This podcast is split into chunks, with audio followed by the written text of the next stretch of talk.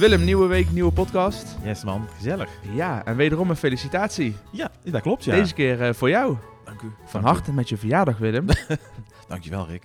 Erg Wil je met de luisteraars delen wat het nieuwe levensjaar is waar je in bent terechtgekomen? Eh, ja, 41 jaar. 41. Ja.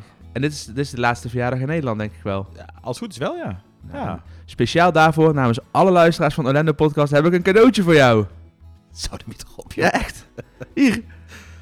Een lekkere fles. Oh, echt serieus? Bavaria, limited edition, fris en sparklend. Oh, Wat je gaat missen natuurlijk als je in Amerika Oh, bent. nou, Lekker dat ik Bavaria leuk. bier. dankjewel Uit ons mooie Brabant. Heerlijk. Ja, Ik ga hem wel van tevoren al opdrinken denk dat zou ik ook maar doen. Ik zou hem niet meenemen, dat is een beetje zonde. Oh, ja, ik dacht dat je een grapje maakte. kunnen, we kunnen hem zo wel opentrekken als hij klaar is. Hij is Oh. alleen niet koud. Lekker man, dit is iets speciaals ja. Ja, ik weet het ook niet. Ik vond hem wel een leuke Limited fles. edition fris en sprankelend sinds 1921. Nou lekker. Ik hoop dat het bier iets jonger is dan eh, sinds 1921. Nou, leuk.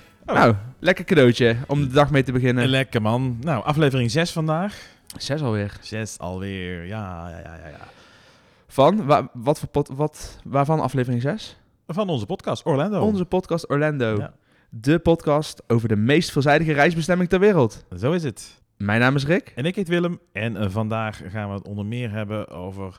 Ja, wat moet je nou eigenlijk allemaal weten op het moment dat je voor de eerste keer naar Orlando gaat? Orlando voor dummies dus eigenlijk. Orlando voor dummies of voor beginners? Of klinkt dummies een beetje eh, negatief? nee, toch? Net als de boeken. Gewoon Orlando voor dummies. Orlando voor dummies. Nou, laten we het over gaan hebben. Maar eerst, eh, Rick, is er nog nieuws eh, deze week? Ja, ik heb, ik heb wel een leuk nieuwtje. Ik kwam het tegen op, op een van de social kanalen in Amerika. Wist jij dat er een stukje Brabant bij is gekomen in Orlando? Of bij gaat komen eigenlijk. Het moet nog openen. In de vorm van een park of In de vorm van een experience. Brabant? Ja. Nou, dat Nou ja, ik ga het je vertellen. Ehm, in Orlando wordt vanaf half november de Vincent van Gogh Experience geopend. Een immersive experience waarin je dus in- de schilderijen van Vincent van Gogh tot leven komen. Oh? Wist je dat? Nee, wist ik niet. Ik wist het ook niet. Ja, Nee. ik, heb het, eh, ik, ik zag het voorbij komen. Ik denk, ja, dit is wel gaaf.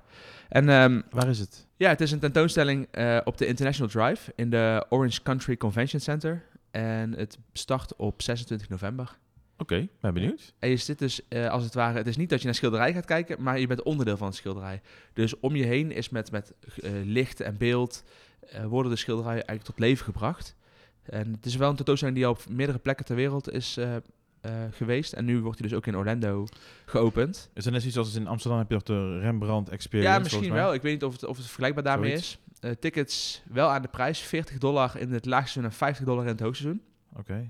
Maar ja, dan kun je wel een stukje Brabant, Vincent van Gogh in Orlando terugzien. Maar eh je zegt Brabant, maar je- het gaat over zijn leven of, of waar gaat het op? nee, het gaat specifiek over zijn schilderijen. Dus het ja, Ja, Brabant. Dan zal er niet. Ja, de aardappeleters is volgens mij in Brabant eh, geschilderd. ja, maar de maker van de schilderijen is Brabants.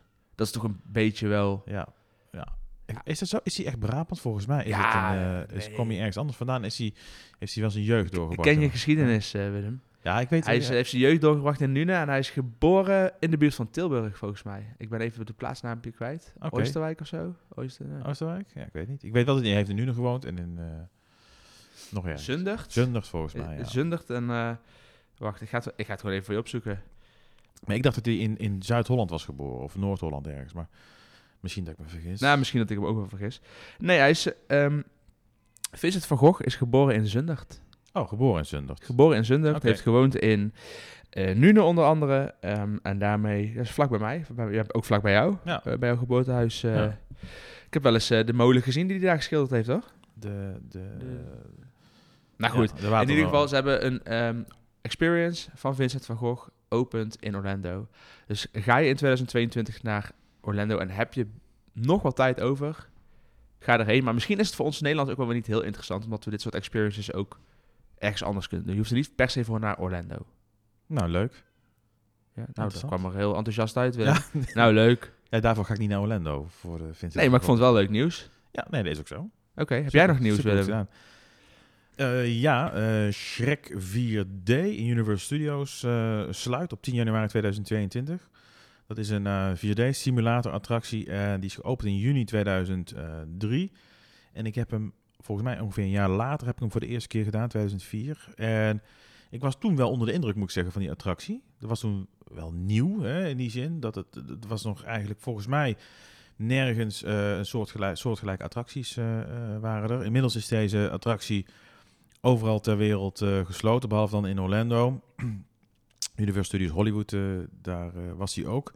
En dichter bij huis nog Movie Park Germany.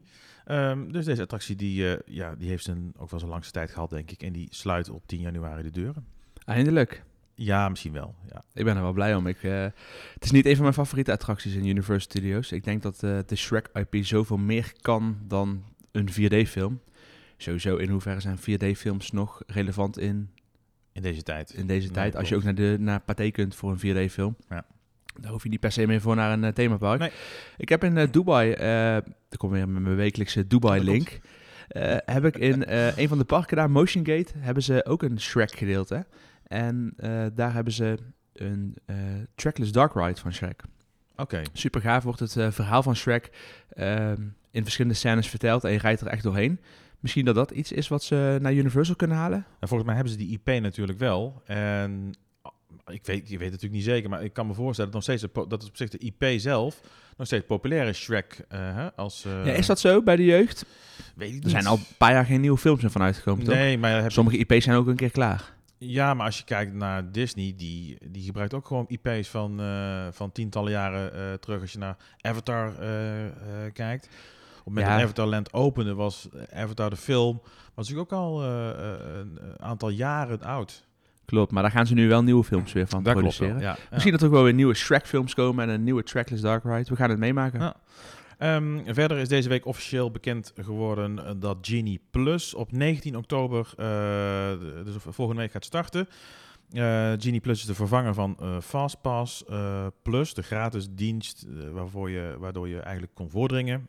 Legitiem. Overal in Orlando? Eh, nee, in, eh, Oh. in Disney World. Oh, in Disney World. In Disney World. Eh, Genie Plus gaat 15 dollar per persoon per dag kosten. En ook is er bekendgemaakt welke attracties eigenlijk buiten deze, deze Genie Plus val- vallen. En waar je dus apart voor moet betalen. Ehm, dat zijn onder andere in Magic Kingdom zijn dat de attracties Seven Dwarfs Mine Train en Space Mountain. Dus dan moet je extra voor in de buidel tasten als je dus wilt voordringen. En- Of gewoon in de wachtrij staan, dat kan ook. Ja, hè? je kunt gewoon in de Het is wachtrij niet dat je er staan. niet in kan als je niet extra betaalt. Nee, dat klopt. Je kunt gewoon in de wachtrij staan, maar wil je ehm, ja, voordringen, dat is eigenlijk gewoon voor de, voor de standby-lijn eh, gaan. Dan moet je dus eh, daar per attractie gewoon voor betalen.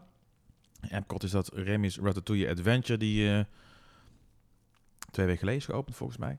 Frozen Ever After ook. Eh, hoewel daar Frozen Ever After, daar staat bijna nooit meer echt een flinke rij, heb ik het eh, idee. Ik weet het niet. Toen, eh, de, de keren dat ik er ben geweest, was het altijd wel meer dan een uur. Ja, ik ben Ja. in, in de zomer nog geweest. eh, De zomer nog geweest. Ja, de laatste zomer die, die we konden gaan, 2019. Vroeger. Vroeger.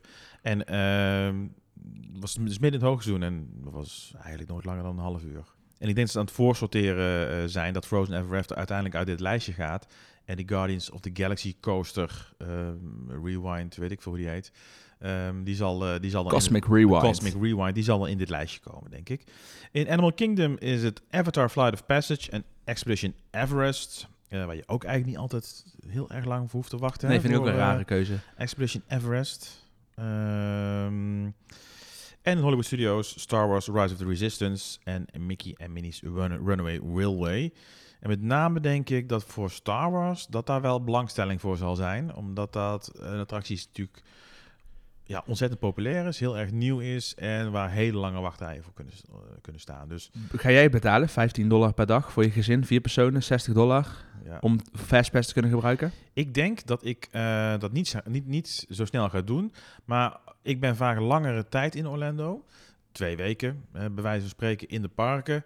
En ik zal altijd eerst proberen om het zonder Genie Plus te doen. En, en altijd nog aan het einde van de vakantie de beslissing te maken. Misschien is het wel goed om, bepaalde attractie niet heb gehad, die ik wel heel graag wil doen, om dan toch nog Genie Plus te kopen. Of misschien wel apart te betalen voor Rise of the Resistance bijvoorbeeld. Want ik denk niet dat ik zomaar mijn vakantie eh, weer terug op vliegtuig, vliegtuig stap zonder Rise of the Resistance gedaan te hebben. Nee, dat sowieso. Nee. En ik, ik denk ook dat als de, voor mij als een wachttijd boven de 120 minuten is, dan wil ik best 15 dollar betalen om eh, meteen in te kunnen stappen. Ja. Want ja, maar ligt aan welke attractie natuurlijk. Hè? Ja, Rise of the Resistance. Ik, Ja. eh, en maar ook Avatar Flight of Passage wil, zou ik ook wel voor betalen. Ehm, de andere attracties, Space Mountain, nee. nee. Kijk, dat is natuurlijk Oude niet... rabbelbak. Ja, maar het is, het is wel een, eh, een attractie met gigantisch slechte capaciteit in eh, Magic Kingdom. Ja. Die karretjes kunnen niet veel mensen tegelijk in. Je, wilt- je hebt wel twee kanten. Dus ik snap wel dat ze die dan gekozen hebben in Magic Kingdom. Kijk, de ehm, eh, Big Thunder Mountain is veel populairder, maar daar rijden misschien wel vijf treinen tegelijk op Ja, de track klopt. als het niet meer is. En dat is natuurlijk hier niet, eh, niet het geval. Eh Raimi's eh, zou ik ook niet doen. Frozen, ja, nee. Dus ik denk dat ik de, de echte extra betaling zou beperken tot Rise of the Resistance en Avatar. Maar om die, die losse attracties te kopen, moet je dan al de 15 dollar basis betaald hebben of staat het los van elkaar? Dat weet ik niet. Ik weet het ook niet. Dat weet ik eigenlijk niet. Het lijkt mij dat het los van elkaar staat. Ik denk het wel. Ik denk het wel. Denk je, je wilt eigenlijk zeggen, moet je Genie Plus hebben? Dat, eh, Is dit een add-on op Genie Plus? De het- Avatar Flight of Passage en de... of is het, een, is het een onderdeel van de Genie-app? Want dat is het natuurlijk. Hè? De Ja. Ge- althans, de Genie-app of de My Magic. Nou, Disney Canada is het los van elkaar, want dan kunnen ze Ja. meer geld verdienen, denk ik. Denk maar ik denk dat ik, ja, ik, ik wil het wel eerst even aankijken hoe het in de parken is. Maar ik ben er bang voor dat heel veel mensen dit gaan doen. En dat het daarmee als het ware binnen no time gewoon weer hetzelfde is als de gratis Fastpass. Fastpass. Ja. En eh, Ik ben benieuwd. Ik weet het niet. Ik, ik, ik, ik twijfel wel een beetje of mensen heel makkelijk weer de portemonnee trekken. Dus natuurlijk is er een groep die dat heel makkelijk doet. Amerikanen sowieso. En ik, er zijn natuurlijk heel veel Amerikanen die vaak maar korte tijd gaan. Vooral Europeanen gaan lange tijd naar Disney World. Bijvoorbeeld twee weken. Amerikanen doen dat vaak een weekend of een midweek. En eh, zijn dan misschien eerder bereid om, om daarvoor te betalen. Als ze het niet, zo, eh, niet zonder eh, Genie Plus kunnen rijden. Ja. We zullen het zien. Hey, onze socials. Yes. Blijf doorgaan, hè. Ik zie iedere week bijna dagelijks nieuwe volgers op onze Instagram binnenkomen. Ja, hartstikke We leuk. lopen inmiddels richting de 200. Super tof. Ja. Ehm, volg ons vooral ook op Instagram en dat is Orlando Podcast. Stuur je vragen in via het contactformulier op de website of stuur een e-mail naar podcast.orlando.nl. En we hadden volgens mij ook nog een hele leuke review gehad. Ja, zeker. Rick via eh, Apple Podcast. Ja, als je via Apple Podcast luistert, geef ons eh, sterren. Wat je zelf le- leuk vindt. eh, minimaal vier. nee, wat je, wat je zelf vindt mag je geven. En als je de moeite wil nemen om een review daarachter te laten, is het helemaal top. En deze week hebben we een review ontvangen van Mark Dekkers. Een achternaamgenoot van mij. Ja, geen familie. Geen hè? familie, nee. Nee. nee. Eh, misschien bekend van de Typisch Brabant podcast of de Ready for Takeoff luchtvaart podcast. Zal, zal ik even vertellen waar ik eh, eh, Mark ook van ken? Dat is van de Details Coke Special. Want dat was de, de kok, zeg maar. Is dat de kok van de Details dat Coke? is de kok van de Details Coke Special. Daar ken ik, daar ken ik Mark weer van, dan, zeg maar. Nou, een klein wereldje zo. Ja. En Mark schrijft, mannen, wat een leuke podcast. Ik denk naast alles wat er op het gebied van themaparken al is, de aanvulling die ik zocht. Het is precies wat ik wil weten ter voorbereiding op onze allereerste Orlando-vakantie zomer 2023. Nou, haakt weer mooi aan op het thema van vandaag. Ja. Mensen die voor het allereerst naar Orlando gaan. Super tof. En sowieso leuk om een Brabantse tongval in podcastland erbij te hebben. Ik probeer hem juist een beetje te verbloemen, maar eh, als ik Mark zo Nee, hoor, dat- dan moet ik, hem, eh, moet ik dat niet doen. Ik ben daar al heel lang geleden mee opgehouden om mijn Brabants te verbloemen. Oh ja? Ja, lukt Ik stond vorige week op een beurs, zei iemand, jij klinkt alsof je uit Brabant komt. Ik zei, nou, dat is niet zo moeilijk om te horen, toch? Hey, maar voordat we naar ons hoofdonderwerp gaan, eh, Rick, nog even jouw cliffhanger van vorige week. Ja. Je maakt het wel heel erg spannend voor, eh, voor, de, voor de luisteraars. Wat Eh, gaat Rick doen? Wat gaat Rick doen? Hoe lang gaat hij op vakantie? Waar gaat hij op vakantie? Komt hij nog ooit terug? Stopt hij met zijn werk? Vertel het. Ik zal alle, alles proberen samen te vatten in deze podcast. Ja, ik kreeg meteen ook na de uitzending al van een aantal mensen berichtjes van... Oh, stoppen we met het, met de reizen en hoe gaat het met onze boeking? Maak je geen zorgen, alles gaat door. Bucketlist Travel, want wat, eh, de meeste van jullie weten... ik heb een eigen reisorganisatie, Bucketlist Travel. En eh, daarmee organiseer ik eh, groepsreizen, eh, unieke reizen, cruises... maar ook reizen naar Orlando... En eh, dat, dat blijf ik gewoon doen. Het is niet dat ik, eh, dat ik een jaar rond de wereld ga reizen en niks doen. Dat zou wel fijn zijn, maar dat is niet haalbaar. Nee, wij gaan samen met mijn vrouw en dochter van 2,5 en eh, op dit moment is het drie maanden, maar als wij vertrekken zes maanden, ehm, gaan wij even het land uit. We hebben ons huis hier verhuurd en eh, vanaf 29 december gaan wij minimaal een jaar buiten Nederland vertoeven. Misschien wel met tussenposes in Nederland weer. Maar we willen eh, wat meer van de wereld gaan zien als gezin. En we willen ook aan mensen laten zien dat het mogelijk is om met kleine kinderen gewoon mooie reizen te maken. Bijvoorbeeld naar Orlando. Eh, want daar gaan we dus starten. We gaan drie maanden in Orlando zitten. En vanaf wanneer dan in Orlando? We zijn op 18 januari landen wij op Orlando International Airport. Eh, mooi huis gehuurd daar. En vanuit daar willen we een aantal cruises gaan maken. Willen we de parken, willen we gewoon heel Orlando in kaart brengen. Ehm, ook om aan onze luisteraars, maar aan iedereen die het wil eh, zien, te laten zien hoe vet de bestemming het is. Ja. En dat willen we met meerdere bestemmingen in, in de wereld gaan doen. En kijken waar het, waar het strandt. Even wat, wat meer eh, spanning eh, terugbrengen in het leven na al die saaie corona-winters. Hey, en weet je al wat je na Orlando, na Orlando gaat doen? Want je gaat dus, bent dus drie maanden in Orlando zelf. Daarna ga je weer terug naar Nederland? Of ga je dan weer... Nou, Eh, of is dat nog niet duidelijk? Orlando heeft met Port Canaveral een van de grootste cruisehavens ter wereld. En in de winter varen daar veel cruises eh, naar de Caribbean. En wat wij gaan doen is om op een zogeheten repositioning cruise. En dat wil zeggen dat een eh cruiseschip in de winter in de Caribbean vaart, in de zomer in de Middellandse Zee. En meestal rond april gaan de schepen dus van de Caribbean naar de Middellandse Zee varen. Nou, dat willen ze natuurlijk niet leeg doen, want dan kost het geld. Dus daar maken ze ook een mooie route van. Nou, wij dachten, waarom heen en terug vliegen naar Orlando als je ook terug kunt varen? Dus wij rijden eh, naar de cruise terminal van Orlando en stappen daar aan boord van de MSC Meraviglia. Een mooie Oh. Italiaanse scheepsnaam. En gaan via New York en Bermuda en de Azoren, Madeira naar Barcelona varen. Die volgorde ook? Ja, in New die York? volgorde. Precies in die volgorde. Ja, het zou, het zou gek zijn om eerst naar eh, Azoren en daarna naar New York te varen. Maar? Bermuda ligt toch onder eh, New York? Ja, klopt. Maar, maar ook wel een stukje naar rechts. Oké. Dus eh, ja, ja, ligt meer eh, in, de, in de Atlantische Oceaan. Is dat, is dat een eilandengroep? Of Bermuda is een eilandengroep. Dat is een land. Oké. Een eiland. Ik ken het alleen maar van de driehoek namelijk. Ja, ja, het is, het is eh, de bovenkant van de Bermuda driehoek, driehoek die volgens mij tot Florida loopt en de Bahama's. Dus eh, volgens mij startte de, die driehoek in Miami. Dus die cruise gaan we maken en eh, daarna in de zomer gaan we leuke dingen doen in Europa. We hebben daar nog niet een exacte schema van, maar je kunt ons volgen op onze reis. We hebben de socials al een beetje aangemaakt, want we zijn een paar jaar geleden gewoon als leuk begonnen met eh, de Cruise Family. Waarom? Wij zijn een familie die heel erg van cruisen houdt. Maar cruisen is ook, eh, ja, net zoals de cruise control de auto, is het verplaatsen. eh, het zien van dingen. Dus wij gaan cruisen de wereld over. Zowel aan boord van schepen als aan boord van vliegtuigen. Eh, misschien dat we een keer een camper huren hier en daar. Dus dat account op Twitter bestaat al. Hebben we al wel eens wat foto's op geplaatst. Mede ook door corona is dat een beetje stil komen te liggen. Eh, en we deden het gewoon naast onze, onze werk. En dit gaan we nu echt fulltime doen. Eh, we hebben een website, gaan we bloggen.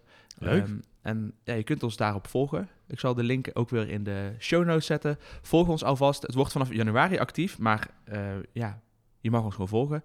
En eh, heb je tips of tricks of ken je mensen op bepaalde bestemmingen? We willen ook heel graag nieuwe mensen leren kennen tijdens onze reis. Nieuwe bestemmingen, unieke dingen zien.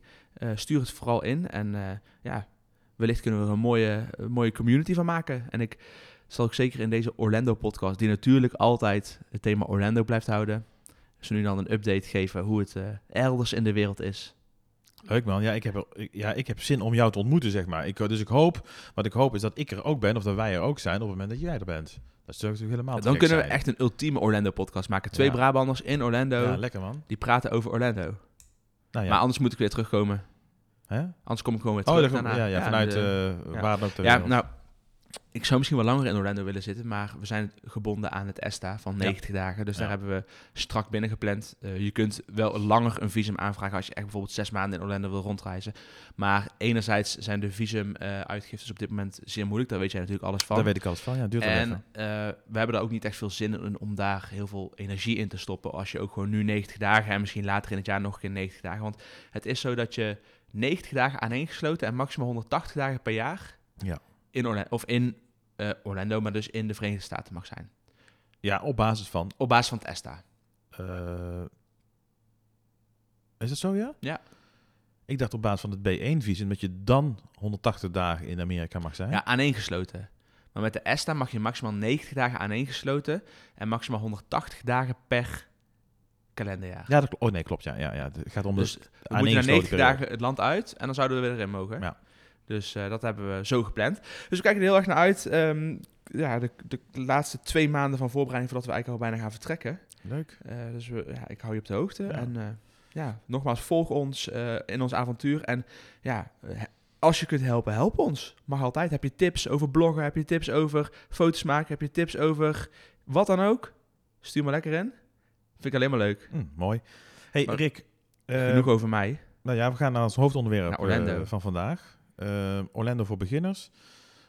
Dat hebben we natuurlijk niet voor niks. eh, daar maken we niet voor niks een, een aflevering van. Dat komt natuurlijk ook omdat, er, omdat een groot deel van onze luisteraars nog nooit in Orlando is geweest. Hoor ons praten over International Drive, over... de- Allerlei insight, ja, termen.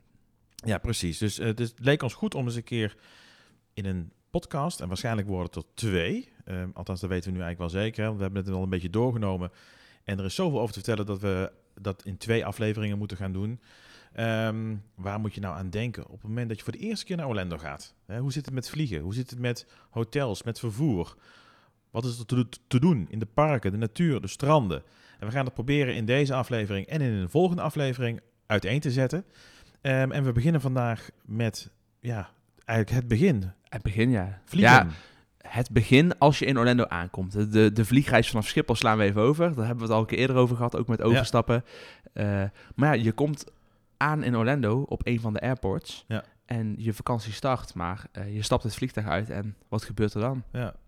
Nou, Orlando heeft eh, drie luchthavens, waarvan er twee echt gebruikt worden voor eh, passagiersvluchten. En voorheen was dat eh, ook met name voor rechtstreekse vlucht van TUI. En dat is namelijk Orlando Sanford.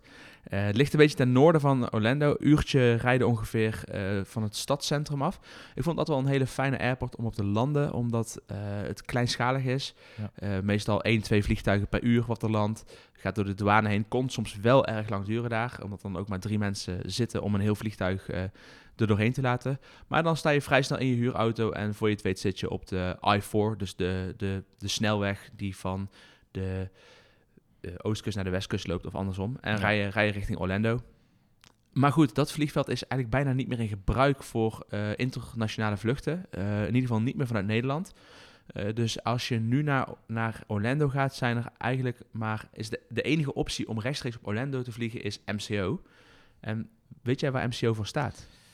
Eh, ja, volgens mij is het de, een afkorting van de oude naam van de, van de airbase. McCoy, McCoy International of McCoy nog wat? Ja, klopt. McCoy Airbase. Oh, McCoy Airbase, En dat ja. is, eh, eh, Orlando Airport was tot 1975 een, ja, eigenlijk alleen maar voor, voor een, een ja, voor de Militair luchtmacht, voor, een militair vliegveld. Ja. Ja. het lag natuurlijk gunstig gepositioneerd ten opzichte van Cuba.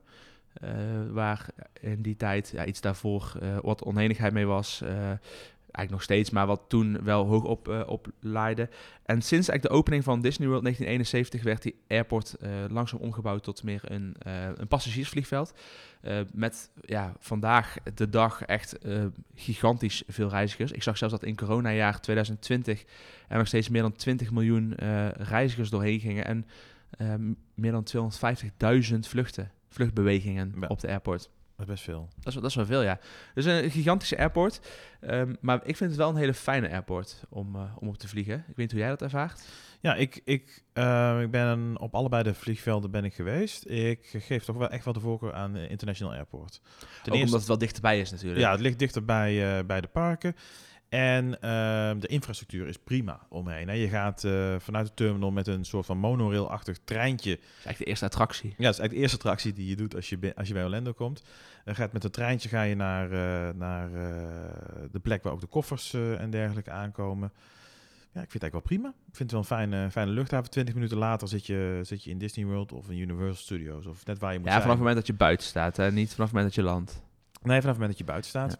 Nee, het is, het is eh, heel fijn. Er zijn vier eh, start- en landingsbanen. En wat, me, wat ik dus geleerd heb, eh, is dat... Wist je dat twee van de start- en landingsbanen ook ingericht zijn, waren... Dat nu is natuurlijk niet meer relevant...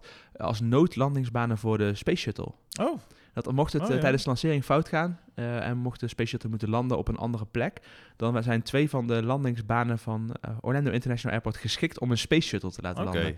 En zover ik het kon terugvinden, is het nooit gebeurd.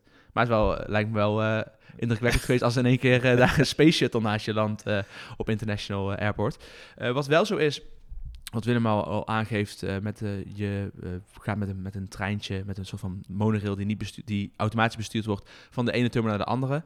Afhankelijk van waar je, wat je, wat je, wat je, hoe zeg je dat? Ja. Waar je vandaan kwam, eh, kom je in een verschillende terminal terecht. Als je internationaal vliegt, dus bijvoorbeeld je komt uit Frankfurt eh, aan, dan kom je nog eh, in de terminal waar je nog door de douane moet.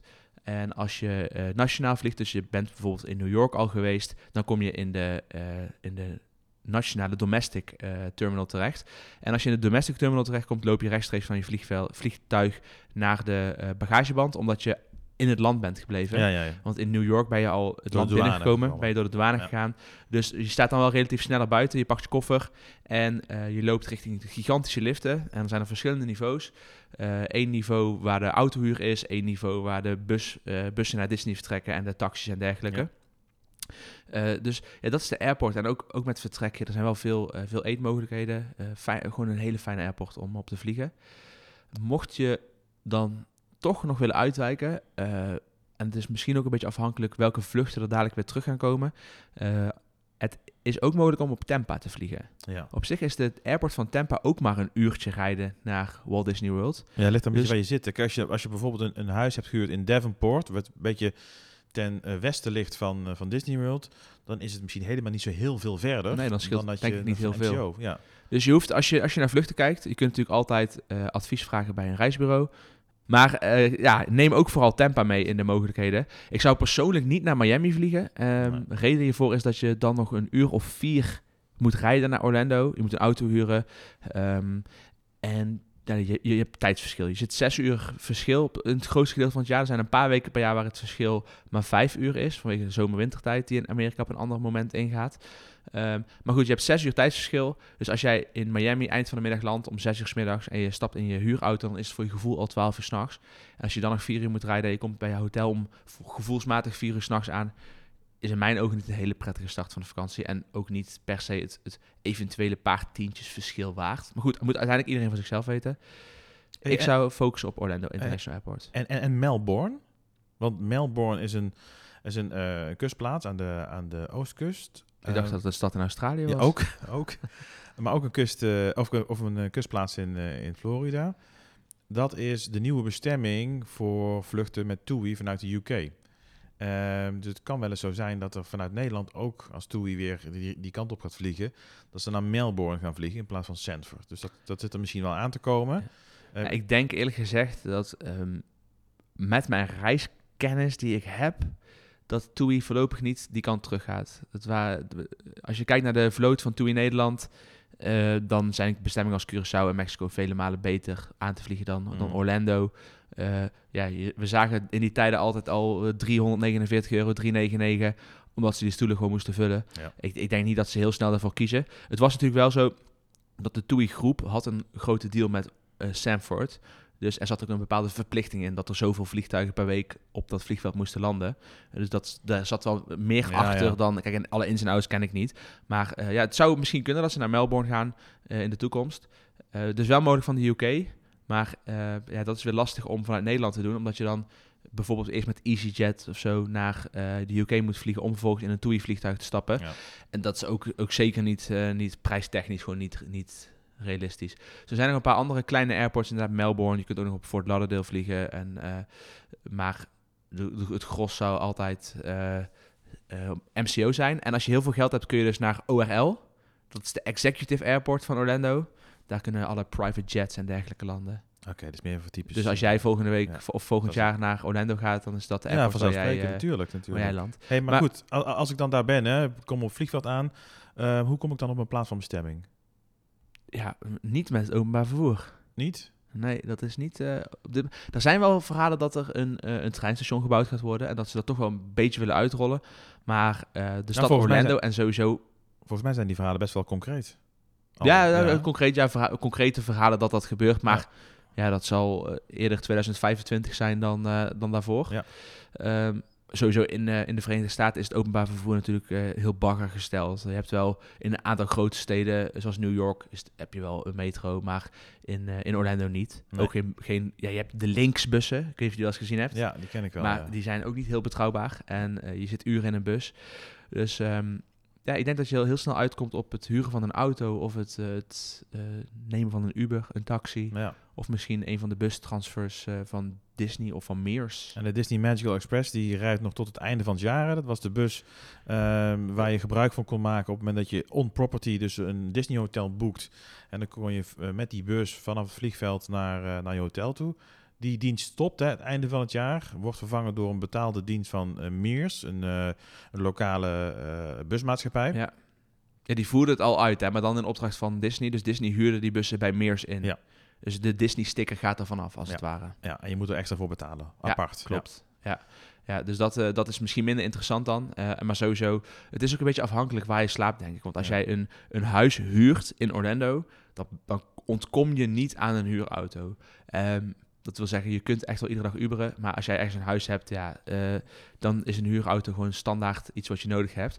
Pak je een hotel op de International Drive, waar we straks of in de volgende aflevering nog wat meer over vertellen, dan eh, hebben die hotels vaak wel eh, transfers naar alle parken. Ja. Dus dan kun je overwegen om, het, om Orlando zonder auto te doen. Maar dat, dat, dat doe je eigenlijk alleen maar op het moment dat je Orlando, dat je Orlando niet als geheel gaat beleven, maar echt alleen maar voor die parken komt. Hè. Dus dan, want je wilt, denk ik ook, tenminste, dat ben ik. eh, eh, Ik ga naar, eh, naar Orlando, maar ga ik ook shoppen en ik wil ook een keer naar de Walmart en ik wil ook een keertje naar het strand misschien wel, of naar een, een kanotocht maken in Kelly Park, ik noem maar iets. Dus, dus ik zou altijd een auto huren. Ja, ja, ik denk dat het wel heel erg te maken heeft met wat je doel is. Als ik bijvoorbeeld on property in Disney World slaap of bij Universal, dan zou ik niet per se een auto huren. Wat ik ook wel eens gedaan heb, is om een gedeelte van de reis een auto te Ja, huren. ja, ja. Maar als je een, een villa hebt gehuurd in Orlando, dan ontkom je echt niet aan die auto. En niet alleen de villa, maar ook als je wat verder van de park, eh, park zit in hotels. eh, dan, in hotels die geen ja, shuttle service geen shuttle aanbieden. service ja, hebben. klopt. Dus dat zijn wel belangrijke dingen om naar te kijken. En sowieso als je een auto huurt op International Airport, een auto in eh, de Verenigde Staten is in de basis niet altijd heel duur. Eh, misschien dat het nu wel wat, wat duurder is. Ik heb wel van eh, een aantal mensen gehoord dat de prijzen gestegen zijn. Eh, dat zie je overal op huurauto's. Ja. Maar eh, de benzine kost daar eh, ongeveer 60 eurocent per liter. Ja, ook niet meer, hè? Ik hoorde van de is week het ook, ook duurder geworden daar? 5 dollar per gallon. 5 dollar? Ja, 5 De dollar laatste keer dat ik er was, was het 2,50 dollar. Ja, maar natuurlijk, het is 5 dollar per gallon. Ja, Nou goed, dan praat je dus over een dollar 20 per liter. Dus een, een eurotje. jawel, maar die auto's, ik zou eens willen dat ik het hier... die auto's drinken ook eh, iets meer, hè? Dan, Ja, als je zo, ja klopt. Maar het is vakantie. Dus het, het is gewoon vakantie, Willem. Dus eh, dan moet je dat eh, even over hebben. Wat wel belangrijk is om eh, mee te nemen als je een auto huurt, zijn de tolwegen. Er zijn in en rondom Orlando een aantal tolwegen. Zeker naar het vliegveld toe ontkom je bijna niet eraan om over de tolweg te rijden. Je kunt bij het huren van de auto een Sunpass ehm, afnemen. Of tenminste, dat kastje zit er sowieso in, Zit er maar die kun je activeren. Ja, altijd even goed om te kijken wat kost dat nu per dag en eh, is het het waard? Ga ik veel over tolwegen rijden? Eh, want als je echt alleen maar de tolweg van Orlando Airport naar eh, het centrum van Orlando, of in ieder geval naar de International Drive of de parken pakt, dan is het dat niet waard. Dan moet je gewoon zorgen dat je een paar losse dollars hebt en dat je gewoon bij het tolhuisje dat betaalt. Maar ga je wat meer rijden, misschien over de, de 417 eh, is het volgens mij de tolweg, Ja, de- zoals die ja, heet. De, de Florida Turnpike, Turnpike. is het. Dan adviseer ik om het wel te doen. Zeker ook omdat niet iedere afrit eh, een bemand station heeft. En als jij eh, dus zonder dat het aanstaat door een afrit rijdt die niet een bemand station heeft, dan heb je geen keuze en dan moet je gewoon er doorheen rijden en dan krijg je volgens mij 100 dollar boete of zo. Ja.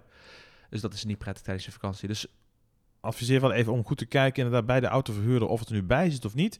De laatste keer dat ik een auto huurde was eh, een auto van via Avis. En ehm, daar werd het geactiveerd op het moment dat je er gebruik van maakt. Dus dan hoef je het van tevoren niet te boeken. eh, eh, maar als je zegt van nou ik wil er gebruik van maken, dan, eh, dan, dan kun je er gewoon doorrijden. En dan heb Oké. je geen boete. Eh, en dan wordt maar hij wordt, dan, hij wordt dan wel voor de hele periode geactiveerd, hè? Dus niet alleen voor de dag dat je hem gebruikt. Eh, dat klopt, maar dat is een paar, ja, twee tientjes of zo. Of tenminste in Maar als, dat, als dat 4 dollar per dag is en je huurt een auto 10 dagen, dan ben je al 40 dollar aan gebruik van het systeem kwijt. Ik weet niet meer hoe dat staat precies. Ja, zoiets is het. Ja. Nou goed, laat je daarover goed informeren of Ja. lees goed de voorwaarden door als je een huurauto eh, neemt in Orlando. eh, zodat je niet voor onverwachte dingen komt te staan. Het voordeel wel weer in Orlando is dat bij, bij veel dingen zoals de outlet of de Walmarts parkeren gratis is. Parkeergelegenheden in overvloed. Wel bij de meeste hotels en ook bij de parken betaal je voor parkeren. Ehm, dus ja, dat- daar zit dat, zit dat in een soort van service fee, hè, waar je, dan betaal je ook voor de, Ja, bij- voor de, voor de zwem, gebruik van het zwembad bijvoorbeeld. En het zijn met name hotels die wat dichter rondom, eh, rondom de themaparken liggen. waar het parkeren weer net iets, eh, iets beperkter is. Ja. En je ziet het tegenwoordig ook eh, in, de, in de hotels on property bij Disney en Universal. Betaal je toch wel flinke eh, parkeerbedragen. Maar het voordeel dan weer wel is dat je dan ook bij de parken kunt parkeren. En dat scheelt je dan weer wel geld. Dus tel eh, het parkeergelden ook zeker mee in je overweging om een huurauto te nemen. En dan kan het soms echt voordeliger zijn om eh, te gaan Uberen. Wat is, wat is de, de huidige, de huidige, eh, ja, het huidige bedrag wat je moet betalen om eh, een dagje in Epcot eh, te parkeren? En volgens mij 30 dollar. 30 dollar dacht ik, hè? En bij SeaWorld ook, 30 dollar. ja. Volgens mij is het overal ongeveer rond de 30 dollar.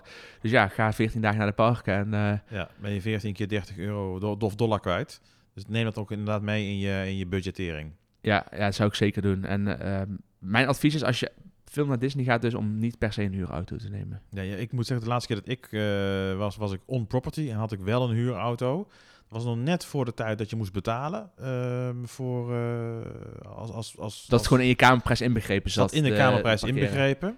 Ja, dat Ehm, was fijn. dus de- ja, dan scheelt het wel, eh, want dat scheelt. eh, Want dan- en dan kun je ook bij de parken eh, parkeren. dan kun je bij de parken gratis parkeren. en er zijn wel wat trucjes, gaan we het nu niet over hebben, waardoor je toch iets goedkoper kunt parkeren. Is trouwens wel goedkoop, of tenminste gratis parkeren bij de waterparken. Ja, en bij Disney Springs. En bij Disney Springs, klopt ja. Maar goed, dan, we hebben de auto of de, of, of de Uber hebben we gepakt. En dan gaan we naar onze accommodatie. Welke accommodaties zou jij nou aanraden, Rick, op het moment dat je zegt... ik ga 14 dagen parken doen, een gedeelte Orlando... of een gedeelte eh, Walt Disney World en een gedeelte Universal Studios. Hoe zou je dat aanpakken? accommodaties in Orlando is, is een vrij breed begrip. Er zijn honderden, zo niet duizenden accommodatiemogelijkheden. En ik denk dat, dat voor ieder budget en voor iedere gezinssamenstelling er een, een, eh, fijne accommodatie is. Kijk, als jij een, een stelletje bent eh, die veel naar de parken wil, dan heb jij niet per se een, een huis met een villa nodig. Als jij juist een gezin huis met bent een zwembad. Een villa Ja. met een zwembad. Een huis met een villa. Da- Een huis met een villa. Als je, dan heb je niet een villa met een huis nodig. Nee, en dan heb je niet een huis met een eh, zwembad nodig. Eh, als je daar toch bijna niet komt. Ja. En dat is vaak ook veel te groot. Maar bij een gezin met meerdere kinderen eh, wil je ook wat, wat meer in, de, in, in en rondom het huis doen. Misschien een paar keer zelf koken. Dan is een villa juist wel heel interessant. Dus je hebt in, in die zin zou je het, het slaapaanbod. En dan laat ik even Airbnb en dergelijke erbuiten. Want ja, dat kan overal wel. Maar het slaapaanbod in Orlando kun je in drie vakken opdelen. Je kunt eh off-property in een hotel slapen. En dat zijn dus hotels die niet geleerd zijn aan een van de parken. eh, maar bijvoorbeeld gevestigd zijn in, eh, aan International Drive. Dus dat is een van de toeristische gedeelten van Orlando. Of ehm, wat, wat meer richting, richting Celebration zit een aantal hotels. Kissimmee, dat is wel meer huurvilla's. Maar dan heb je ook wel wat hotels. Dan heb je het over, over ketens bijvoorbeeld Ketens, als Marriott, Marriott, Hilton, Hilton. eh, losstaande ketens. Motel eh 6 is het volgens mij. Ja. Of Motel 8, wat is het? Six volgens mij. Motel 6 en eh, eh, ja, tot de luxe ketens van de, van de, de Ritz-Carlton eh, en dergelijke. Ehm, dat heb je. Je kunt on-property slapen en dat zijn dus hotels die wel geleerd zijn aan eh, de parken. En in Disney World heb je daar, eh, ja, ze zeggen 30 hotels. Ja, Hotelopties, Ja. maar een aantal is Vacation Club en zo. Ja. Maar je hebt eh, verschillende opties voor iedere portemonnee. En bij Universal Studios heb je ook een aantal hotels die dus eh, eigendom zijn, of in ieder geval gedeeltelijk worden geëxploiteerd door Universal. Eh, in samenwerking met Lowe's is dat. Dat is een, ook een hotelketen in, in de Verenigde Staten. En de derde optie is dan een vakantievilla of een vakantiehuisje. Ja. En mis ik dan een optie, Willem? Nou, volgens mij heb je het wel zo'n beetje. Ja, natuurlijk vakantievilla's, daar heb je ook natuurlijk appartementen. Eh, maar dat, Een privé-accommodatie. Een privé-accommodatie. Zo noemen. jij zei, we hebben het niet over Air- Airbnb, maar dat zijn juist wel de accommodaties die vaak ook via Airbnb worden Ja, oké. Maar? Airbnb heeft ook wel eens een slaapkamer bij mensen thuis. Laat, Ja. Dan bedoel ik Airbnb, dus de, de, niet de gedeelde accommodatie bij mensen thuis. Ja, nee, maar goed, eh, als je k- gaat Een villa staat inderdaad ook op Airbnb. Ja, Ja, gelijk. Ze noemen het zelfs een, een Airbnb, Airbnb eh, accommodation. Eh, op het moment dat je dus een, geïnteresseerd bent in een huis in Orlando en je wilt het short-term gaan verhuren, dat betekent dat je je huis eigenlijk of je appartement verhuurt alsof het een hotelkamer is, dus per nacht een, eh, een hotel of je huis gaat verhuren. ehm, dan wordt het ook verkocht bij de makelaar als eh, wordt heel vaak aange- aangeboden als een Airbnb villa. En dan is het voordeliger om te kopen of juist duurder? Of zit je dan met bepaalde belastingen? Nee, daar zit je met allerlei andere regels zijn, eh, aan. Zit je allerlei regels gebonden. Dus je kunt niet zomaar een huis. Als je daar een huis hebt, dat wil niet zeggen dat je dat ook zomaar per definitie als vakantiewoning kunt verhuren. Dat is weer gebonden aan de streek waar je zit en uh, de, de community waar je zit. Daar kunnen allerlei regels weer aan zitten. Maar goed, dat is voor een andere aflevering. Dus voor de, wanneer jij de specialiteit uh, property management. Wanneer we, ja, ja, jij bent daar wel uh, een kenner in, in huisje in Orlando. Ja, wel, ik weet er wel iets van, maar dat gaat nu te dat ver. gaat nu te ver, nee zeker. De basis is, ja. je kunt in Orlando prachtige villa's huren met zwembad, met uh, vier, vijf, zes slaapkamers. Uh, dus zeker voor grotere gezelschappen ga je bijvoorbeeld met twee families of met een groter gezin uh, die kant op, is dat ideaal om te doen. Ja, en het is vaak ook prijstechnisch interessant. Hè? Want je kunt hè, met, met zes personen kun je vaak makkelijk in zo'n villa uh, terecht. En zo'n villa die, hè, die huur je misschien voor tussen de 100 en de 200 dollar per nacht. Afhankelijk van de locatie waar die is en de, en, en de faciliteiten op het, op de, op het park en de, de luxe van het huis. En als je dat gewoon gaat delen door zes, ja, dan, dan, ben je, dan ben je eigenlijk maar een paar tientjes in dollars per nacht kwijt, per persoon. Klopt. En het wat wel zo is, is dat de villa's vaak wat verder van de, de attracties af liggen. Of in ieder geval van het bruisende centrum. De villa's wel, de appartementen hoeft niet per Nee, se. kan Dus- inderdaad. dus in Lake Buena Vista heb je ook een aantal communities. En maar dat zijn met name appartementen-communities. En daar zit je eh, vijf minuten van Disney World af. Ja, of townhouses heb je ook nog natuurlijk. Van een soort van rijtjes Ja. eh, woningen. Half appartement, halve villa. Eh, ook zeer interessant. Ehm, maar wat, wat sowieso fijn is aan, aan Amerika en Orlando... is dat eh, je hebt niet echt zoals wij het in Nederland kennen... een stadscentrum met winkeltjes en restaurantjes. Het is, zit overal verspreid. Langs, langs alle wegen zitten restaurants. Dus het is niet zo als je een villa in Devonport huurt... dat je, dat je lang moet rijden om bij een supermarkt... of bij een, eh, een van de fastfoodketens of, of een restaurant te komen. Nee, in de buurt heb je altijd wel een stripmall of een andere eh, winkelcentrum. Met gratis parkeren. Met gratis parkeren, waar altijd ho- een hoop fastfoodketens of gewoon restaurants zitten. Winkels, supermarkten, Walmart, Publix, die heb je overal zitten. Dus Ja. eh, er hoeft niet altijd per se een half uur in de auto te zitten om naar de supermarkt te gaan. Nee, dus dat wat betreft villa's. En dan de hotels die bijvoorbeeld aan de International Drive zitten. Daar zitten eh, veel hotels. Ehm, Misschien heel even kort de International Drive. Dat noemen we best wel regelmatig eh, in de podcast. Wat, wat, wat is International Drive eigenlijk? En kun je dat misschien kort samenvatten? de International Drive is... Je, hebt, je moet even een stapje terug. Orlando, ehm, als zijnde de stad, kom je helemaal...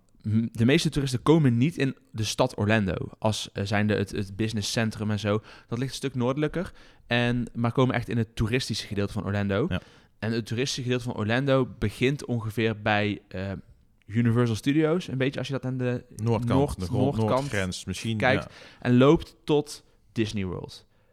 Ongeveer. zo, En als je dan, dat is ongeveer het, het, eh, het toeristische gedeelte. En binnen die twee eh, grote parken heb je, eh, van de, heb je SeaWorld tot, tot de, het Reuzenrad, tot, tot alles. En ehm, bij een van de grote outlets start de International Drive. En die loopt eigenlijk helemaal door, bijna tot de, tot de ingang van Disney World. En dat is een, ja, een toeristische straat eigenlijk. Daar zitten wat eh, attracties aan, veel hotels, veel restaurants, winkels. Ehm, het is niet, niet een gezellige straat per se om overheen te wandelen. Eh, maar het is wel de, de toeristische straat van Orlando. Ja, het is best, een- best een lange, een lange straat. Hij loopt inderdaad, hij begint zo'n beetje ter hoogte van, eh, van Disney World. Misschien iets noordelijker. Ja, of eindigt. Is hoe Of eindigt, ja. en loopt dan uit van, van Disney World bekeken, loopt hij, gaat hij eh, richting het noorden. En stopt hij zo'n beetje ook bij Universal Studios of iets daarboven. Hè? Dus hij, het, het is eigenlijk een straat die Universal met, met, met, Disney. World verbindt. Het ligt ten oosten van die twee parken. En ehm, eh, onze luisteraars moeten nu echt een kaart erbij pakken. Wij Ja, de termen Noord, Oost, Zuid. ja, Maar ja, als je, dus, als je International Drive helemaal rijdt, inclusief de stoplicht, dan denk ik dat je een uur erover doet om van het zuiden naar het noorden te komen. Ja, maar het, het, het, eh, het meest toeristische gedeelte ja, zit eigenlijk zo'n beetje tussen het Convention Center, dus Orange County Convention Center, dus het, zeg maar...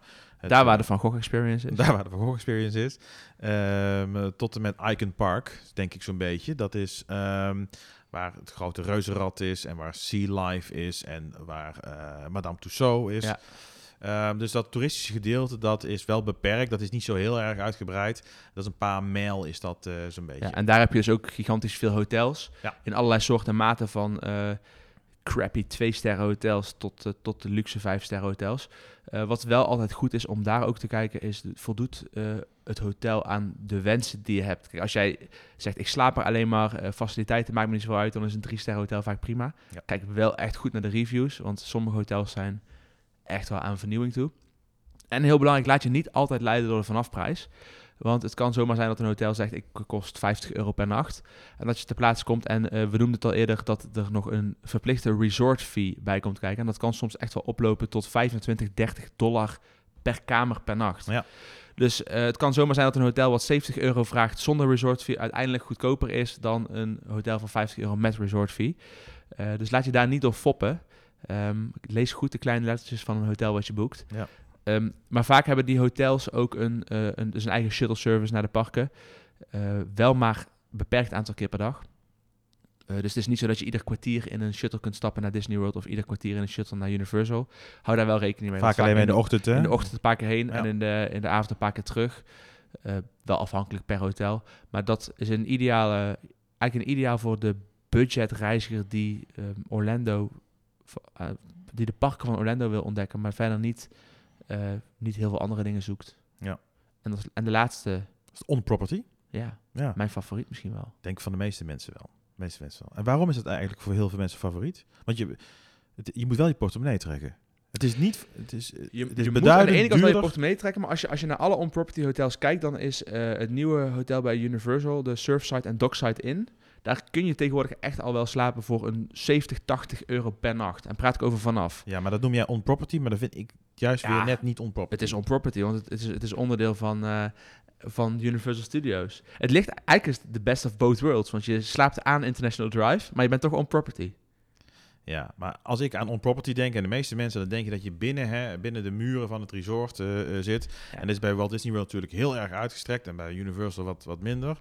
Ehm, dat hotel ligt net erbuiten, eh buiten de eigenlijke grenzen van het, eh, van het resort. Is daarom ook Maar hoort wel bij het resort. Hoort er wel bij, maar is daarom Heeft ook wel directe transfers de hele dag door naar het resort. Ja. Ik, ik, eh, ik noem hem semi-on-property. Oké, Is dat een goede compromis dan? ik vind het prima. Oké, dus ehm, en ook, ook in eh, Walt Disney World ehm, nou adviseer ik persoonlijk niet om de All-Star hotels te boeken, maar die kun je vaak ook al wel voor tussen de 80 en de 100 euro per nacht boeken in, het wat, in de wat goedkopere periodes. Dus het hoeft niet per se heel duur te zijn, maar de, de prijzen lopen wel op tot, eh, tot de luxe resorts en dan praat je over de Grand Floridian en bij Universal over de Hard Rock hotels en dan ga je wel eh, 400 euro plus per nacht. Ehm, is het dat waard? Ja, ja eh, ieder zijn portemonnee. Ik vind het, het, ik betaal het niet, maar het, het, het heeft wel een bepaalde waarde, want je zit 10 minuten na Enchantment eh, lig je in bed, Ja. als je wil. Of je kunt vanuit je hotelkamer Enchantment zien. Wat, wat, wat ik er zo mooi aan vind aan slapen on property is dat je in die bubbel zit. Of je nou Ja. over Universal hebt of over Walt Disney World, met name Walt Disney World. Daar zit je echt in een bubbel. bij Eh, Universal ook. Ja, je bent, oh, zeker, zeker. Het is heel lastig uit te leggen wat dat dan precies is, zo'n bubbel. Kan heel veel mensen die kunnen dat misschien als beklemmend eh, ervaren. Althans, zouden dat kunnen denken dat het zo is. Maar dat is het niet. Hè. Je zit dan helemaal in die Disney-sfeer of in die Universal-sfeer. En ehm, ja, dat heeft een bepaalde ja, chemie, of eh, ja, chemie, Magie. magie. Ja, Ja. nee, ben ik het helemaal mee eens. Ik slaap ook eh, zelf heel graag, eh, ja, natuurlijk Disney, maar Universal ook vind ik heel vind ik fijne hotels. Kwalitatief goed. Ehm, en dat is ook wel het fijn. Als je on property slaapt, dan weet je dat je, de, dat je de kwaliteit van de parken, ehm, dat je die ook terugziet in de hotels. Dus je bent wat meer zeker van een kwalitatief goed hotel. eh, de extra services eh, die geboden worden en ehm, ja, de, de magie van Disney of Universal. Laten we het daarop houden. Ja, en de voordeeltjes, hè, want je kunt vaak, eh, hebt vaak eerder toegang tot de parken. Ehm, in het geval van Universal zitten bij de luxere accommodaties ook een, eh een vorderingpasje bij. Dus je kunt, Ja. je kunt eh, zonder... En Disney gaat nu toch ook iets doen voor de deluxe hotels? Die krijgen toch extra keuzes in de Disney Genie? Iets, daar heb ik iets van gelezen. ja, die kunnen eerder, eerder, een, eerder een kaartje kopen voor Rise of the Resistance. Dat is het. Oké. Ja, Dat is wel sympathiek. dat is heel sympathiek. En in het verleden kon je als eh, in de deluxe hotels eh, mocht je eh, extra fastpassen kopen. Je, iedereen kreeg standaard drie fastpass mogelijkheden, maar als je deluxe sliep, bepaalde categorieën, dan mocht je er dan vijf. drie extra kopen. zes. Ja, dan moest je wel voor betalen, Ja. maar dat kon wel via de concierge. Oké. Maar goed, dat is allemaal weg, dus Ja. eigenlijk niet meer relevant. Ehm, ja, dus, maar als je graag naar Universal gaat, dan vind ik het zonde om in een Disney hotel te slapen. En als je, nou, ik vind als je in on property slaapt, dan vind ik alleen maar het waard als je ook het grootste gedeelte van de tijd eh, van plan bent om on property te zijn. Ja, ja. Misschien een keer naar de outlet, misschien een keer een half dagje strand. Maar als jij in een Disney hotel slaapt en je wilt drie dagen naar Universal en twee dagen naar het strand en nog een keer naar de outlet, dan denk ik dat dat zonde is van het geld. Kun je misschien beter een andere keuze maken. Dan kun je allemaal andere keuze maken. Ja. Ik denk dat we wel weer eh, flink wat, eh, wat basiskennis hebben bijgebracht. We hebben natuurlijk nog heel veel onderwerpen staan, Willem. Eh, zullen we die doorschuiven naar aflevering 2? Eh, ja, dan, deel 2? dan gaan we het onder andere hebben over de attracties. hè, zowel de, de, de grote themaparken, maar ook de attracties buiten de parken. Natuur, en stranden. En we gaan het nog hebben over shoppen. Natuur in Florida. Zeker, zeker. Dat hoor je allemaal in de volgende aflevering, Rick. En de volgende? Ja, ja Weet je het zeker? Nou, niet de volgende, maar We gaan eerst nog even een, een, een sidestep maken de volgende aflevering, toch? in deel 2 dan. Laat ik In zo deel maar 2. zeggen. Ja, deze aflevering komt half oktober live, eh, nu dus. En eh, de eerstvolgende aflevering over twee weken valt mooi samen met eh, een van de populaire evenementen in Orlando en sowieso in eh, de Verenigde Staten, namelijk Halloween. Ja. Dus het lijkt me wel leuk om daar een eh, special over te maken. Wat is nou eh, Halloween in Orlando? Hoe wordt Halloween gevierd in de verschillende parken, maar ook waar zie je de mooiste eh, versierde huizen in de omgeving van Orlando? Ja. dat is ook een. eh, dat is ook En een- Halloween winkels. Ben je wel eens een Halloween winkel geweest daar? Nou, de Walmart is ook een Halloween winkel eh, rond deze dat is tijd. altijd. Dat is, dat is 365 dagen per jaar een Halloween winkel. Nee, maar je hebt echt op, gewoon Halloween winkels. Gewoon gigantische eh, winkels met alleen maar Halloween gethematiseerde kostuums, versieringen, snoepjes. Daar gaan we het de volgende keer volgende over hebben. keer. Nou, bedankt voor het luisteren naar deze podcast en eh, tot de volgende keer. Oké, tot ziens. Hoi, hoi. Hoi.